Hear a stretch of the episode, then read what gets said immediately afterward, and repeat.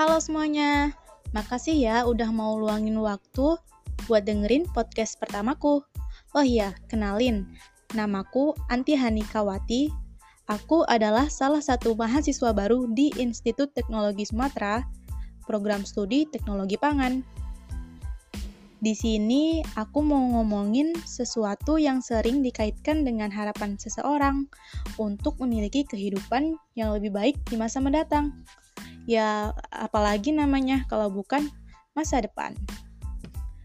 Di sini kita semua tahu bahwa masa depan adalah hal yang tidak bisa kita prediksi. Tapi jangan khawatir, meskipun kita tidak bisa mengetahui masa depan, kita bisa loh merencanakannya Nah, inilah rencana masa depanku. Rencanaku dalam jangka pendek ini adalah dapat beradaptasi di dunia perkuliahan, berprestasi di kampus, mendapatkan beasiswa, dan meraih IP tinggi di setiap semesternya. Untuk rencana jangka menengah, aku ingin lulus tepat waktu dengan gelar cum laude.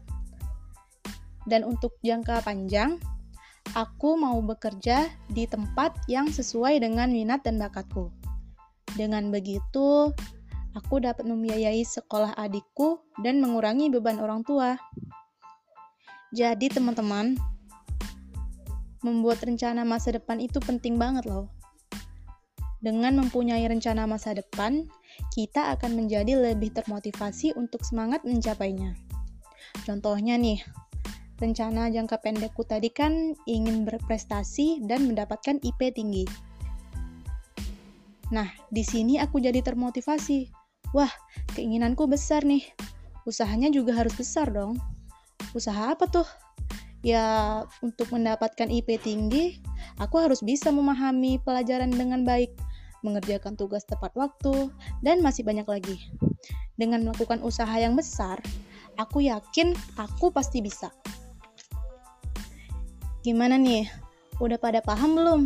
Seberapa pentingnya merencanakan masa depan?